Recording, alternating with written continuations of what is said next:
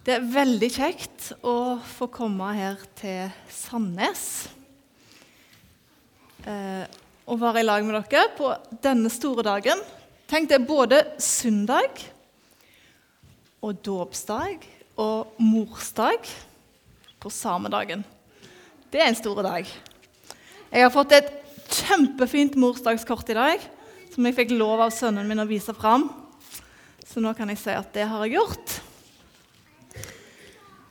Eh, han minste gutten min han eh, pleier alltid å gå på søndagsskolen. Og En dag når han hadde vært på søndagsskolen, så spurte man etterpå eh, hva lærte dere på søndagsskolen i dag. Og så svarer han vi lærte drittmye om Jesus. Og det var jo litt sånn løye å si det sånn, men jeg håper at i dag òg kan vi lære noe om Jesus. Jeg skal begynne med å be litt. Kjære Jesus, takk for dagen i dag. Takk for den store dagen. Jeg har lyst til å legge den i dine hender. Be for dåpsbarna, at du må ta deg av henne, velsigne henne. Så be om at du må være til stede, tale til oss. Amen. I dag skal vi lese noe som står i et, et evangelie i Bibelen. Det står i Markus eh, i kapittel 9.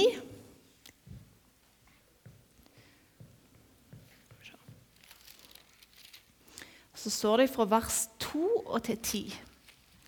nå er det sånn at Jeg har egentlig ikke fått Bibelen på mitt eget, helt eget språk ennå. På sånn karmedialekt. Så jeg leser det litt sånn som jeg, jeg vil sjøl. Men dere, dere klarer sikkert å følge med. Eh, Markus kapittel 9, vers 2-10. Seks dager etter tok Jesus med seg Peter, Jakob og Johannes og førte de opp på et høyt fjell. Der var de for seg sjøl, helt alene. Og han ble forklart for øynene deres. Klærne hans ble så skinende hvite at ingen på jorda som bleike klær, kan få de så hvite. Og Elias viste seg for dem sammen med Moses, og de samtalte med Jesus. Da tok Peter til orde og sa til Jesus.: Rabbi, det er godt at vi er her.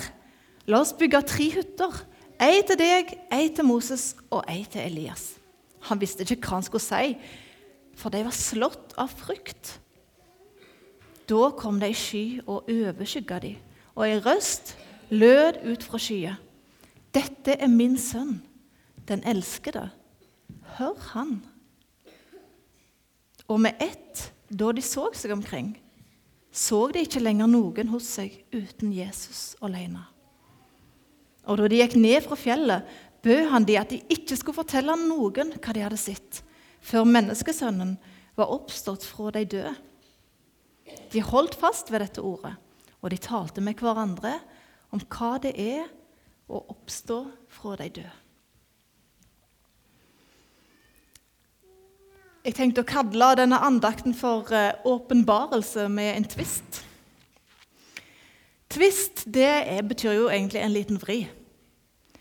Men alle vi som er glad i søte saker, vi vet at tvist det har en helt annen betydning òg.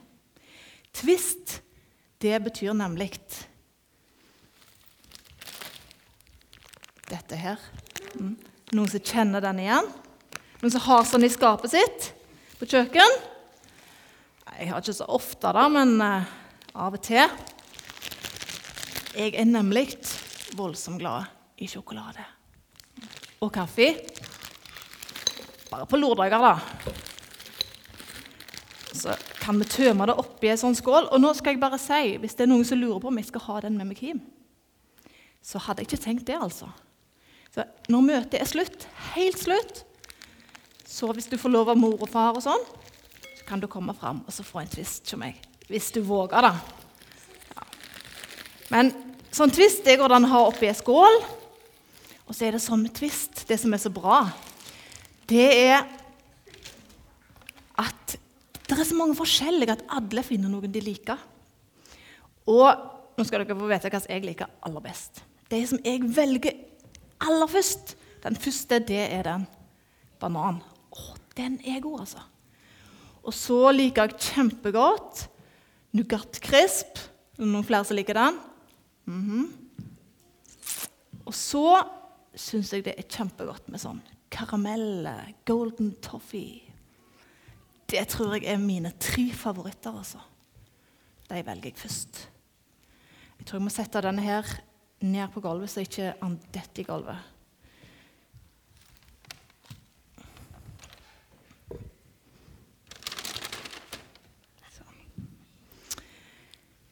Men så er det det at i den skåla der, når det begynner å bli tomt, sant? når det har gått mange lørdager og gjerne noen hverdager òg, så begynner det å bli tomt. Og da er det alltid det samme som ligger igjen. Vet ikke om det er sånn hos dere. Og For meg så er det alltid eh, kokos. Den pleier alltid å ligge igjen. Og så helnøtt og lakris. De tre de ligger helt sikre igjen helt til slutt.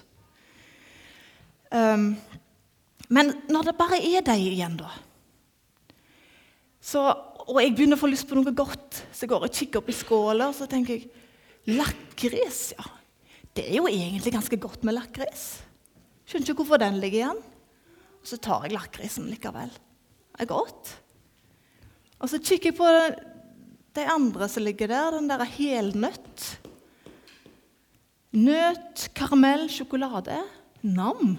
Det er jo godt kan ta den nå, jeg liker den godt. Og kokos det er jo kjempegodt. Kan ikke la den ligge der. Og til slutt så forsvinner alle tvistene. Jeg liker jo egentlig alle. Den fortellingen som vi hørte om, der står det at Jesus tok med seg tre stykk opp på et fjell. Kanskje var det favorittene hans. Har du tenkt på det? Han tok med seg Peter, Jakob og Johannes. Tre stykk. Og de skulle få en helt spesiell opplevelse i lag med Jesus denne dagen. Det var ikke første gangen heller, det var ikke den eneste gangen han hadde med seg disse tre.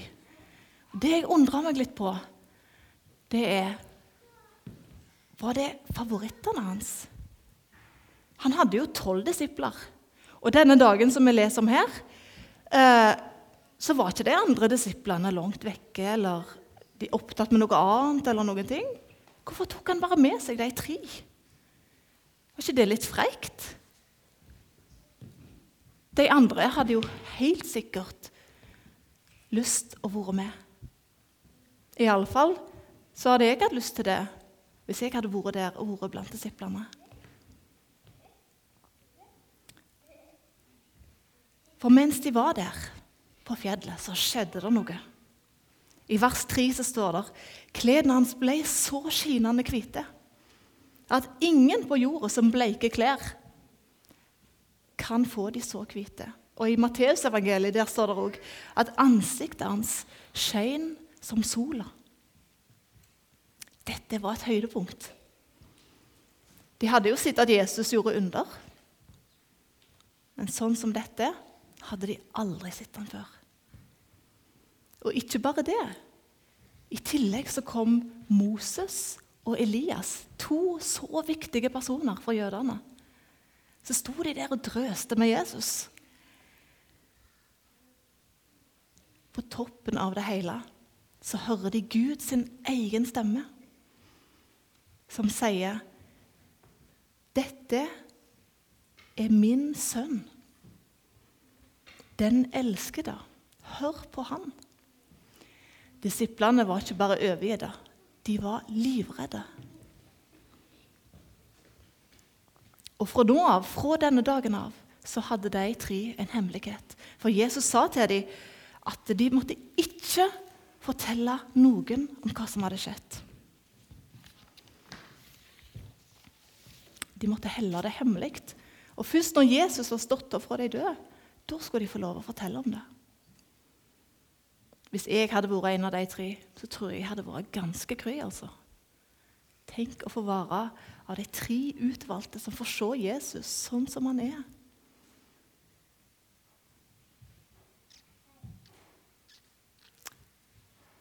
Det er nok ikke løye at vi tenker at Gud har favoritter. Til og med i dag så tror jeg at vi går av og til rundt og tenker sånn.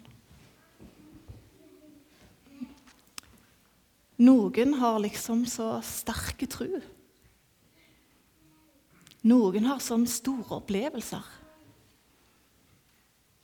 Noen har så nært forhold til Jesus. De må jo være favoritter. Men vet du hva? Jeg tror ikke det. Jeg tror ikke Jesus har favoritter. Jesus elsker alle, han. Men gjerne så var det sånn at disse tre her, de var klar for denne åpenbarelsen på en annen måte enn de andre var. Jesus kjente hjertene deres, akkurat som han kjenner våre hjerter. Han visste hva de kunne tåle å se og høre, og hvilke oppgaver de kunne få. Av og til så er det sånn med mine unger at de har lyst til å gjøre ting som jeg ikke syns at de skal få gjøre. Ennå, iallfall. En lørdagsmorgen. Da er det sånn at jeg liker å sove litt lenge på lørdag. Og ungene er jo begynt å bli såpass store at uh, de kan få ordne seg litt sjøl nede i stua. Men en morgen for ikke så lenge siden, da hørte jeg at ytterdøra slo igjen. Og jeg var litt sånn i ørska, så jeg, jeg oppfatta nok ikke helt hva som skjedde. Men jeg hørte at det var noe romstering nede i stua. Og etter en liten stund så hørte jeg Olav på seks år som roper høyt opp. 'Mamma! Jeg har fyrt i ogen, jeg!' Og da var det en mamma altså, som kom seg på beina og sprang ned. For akkurat det å fyre i ogen, det syns jeg ikke at Olav skulle få lov til helt ennå.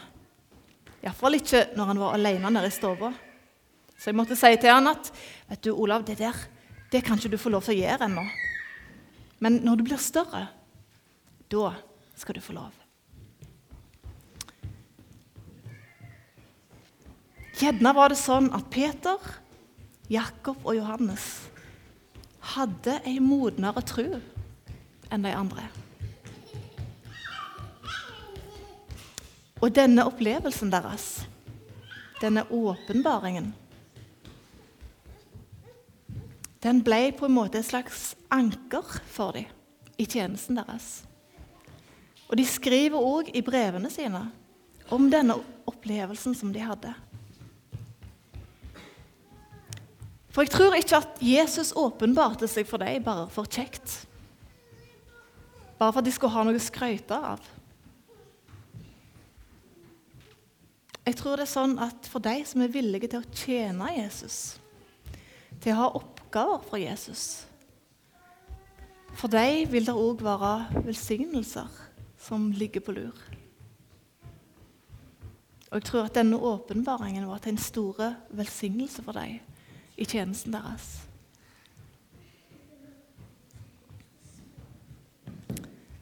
Jeg har en mann som har lest altfor mange bøker. Og Jeg diskuterte dette temaet litt med han. Og Da begynte han å nevne på Narnia-bøkene. Er det noen som har lest Narnia-bøkene her? Ja, der var det noen. Fantastisk. Jeg har bare lest de tre første. Men han Magne da, han sa den siste Narnia-boka, i det siste kapitlet Helt på slutten der, der står det noe. Det står, det blir gjentatt mange ganger når disse ungene kommer inn i det virkelige Narnia. Så sier de hele veien vi må høyere opp og dypere inn.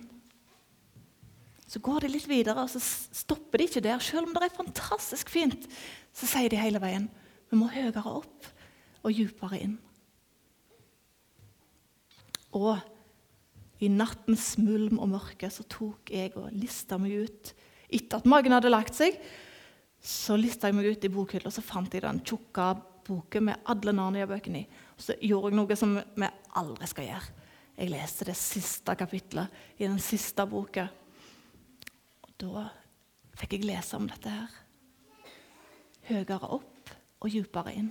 Så står det jo høyere opp og lenger inn du kommer, desto større blir alt sammen. Innsida er større enn utsida.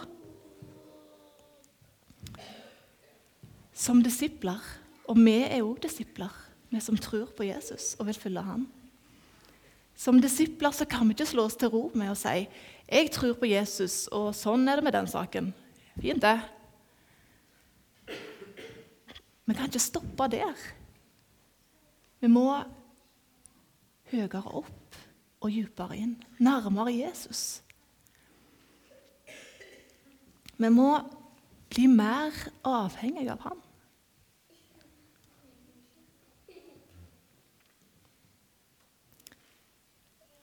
Der oppe, nærmere, dypere inn, der tror jeg det er velsignelser som vi ikke kan forstå rekkevidden av når vi står på utsida. Og det er mange ting der tror jeg, som kan bli til velsignelse som vi aldri hadde trodd. Jeg hørte på en sang i går av en mann som heter Michael Card.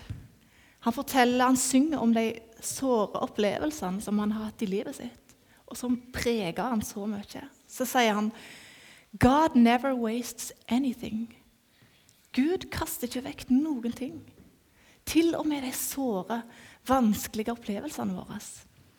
De kan han ta og pusse og gjøre dem til skinende diamanter. Opplevelsene våre, gode eller vonde, kan gjøre oss modnere hvis vi kommer til Gud med dem.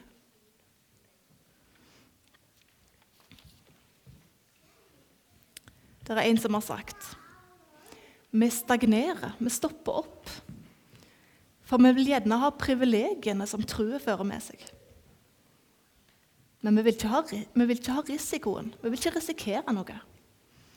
Vi vil ha velsignelsene, men vi vil ikke ha tålmodighet. Vi vil ha den forsikringen som trua gir oss, men vi vil ikke ha usikkerheten. Vi vil ikke måtte stole på at Gud har full kontroll. Vi liker voldsomt godt å ha den kontrollen sjøl.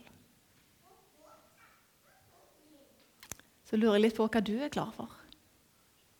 Vil du være med opp, høyere opp, dypere inn? Opp på fjellet sammen med Jesus og se han sånn som han er.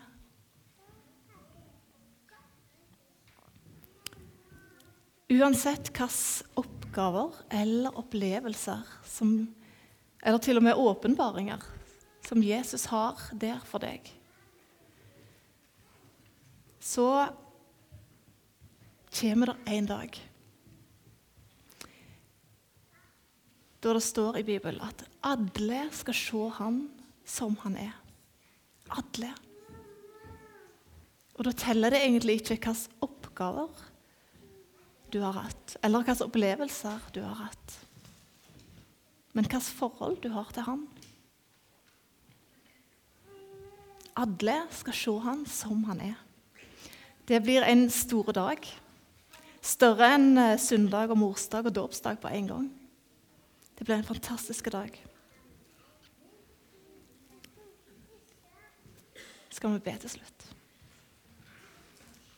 Far, jeg takker deg for at du har Eh, et ønske om å være nær oss, om at vi skal komme til deg. Kjære far, du kjenner hjertene våre. Du ser at vi er forskjellige, og du har forskjellige oppgaver til oss. Jeg ber deg om at vi i hverdagen kan våge å gå høyere opp og dypere inn. Inn til deg bare i din nærhet. Jeg ber deg om at vi må vokse som dine disipler.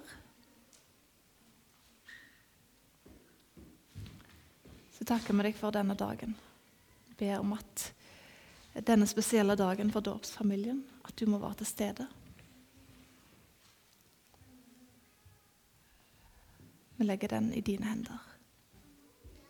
Amen.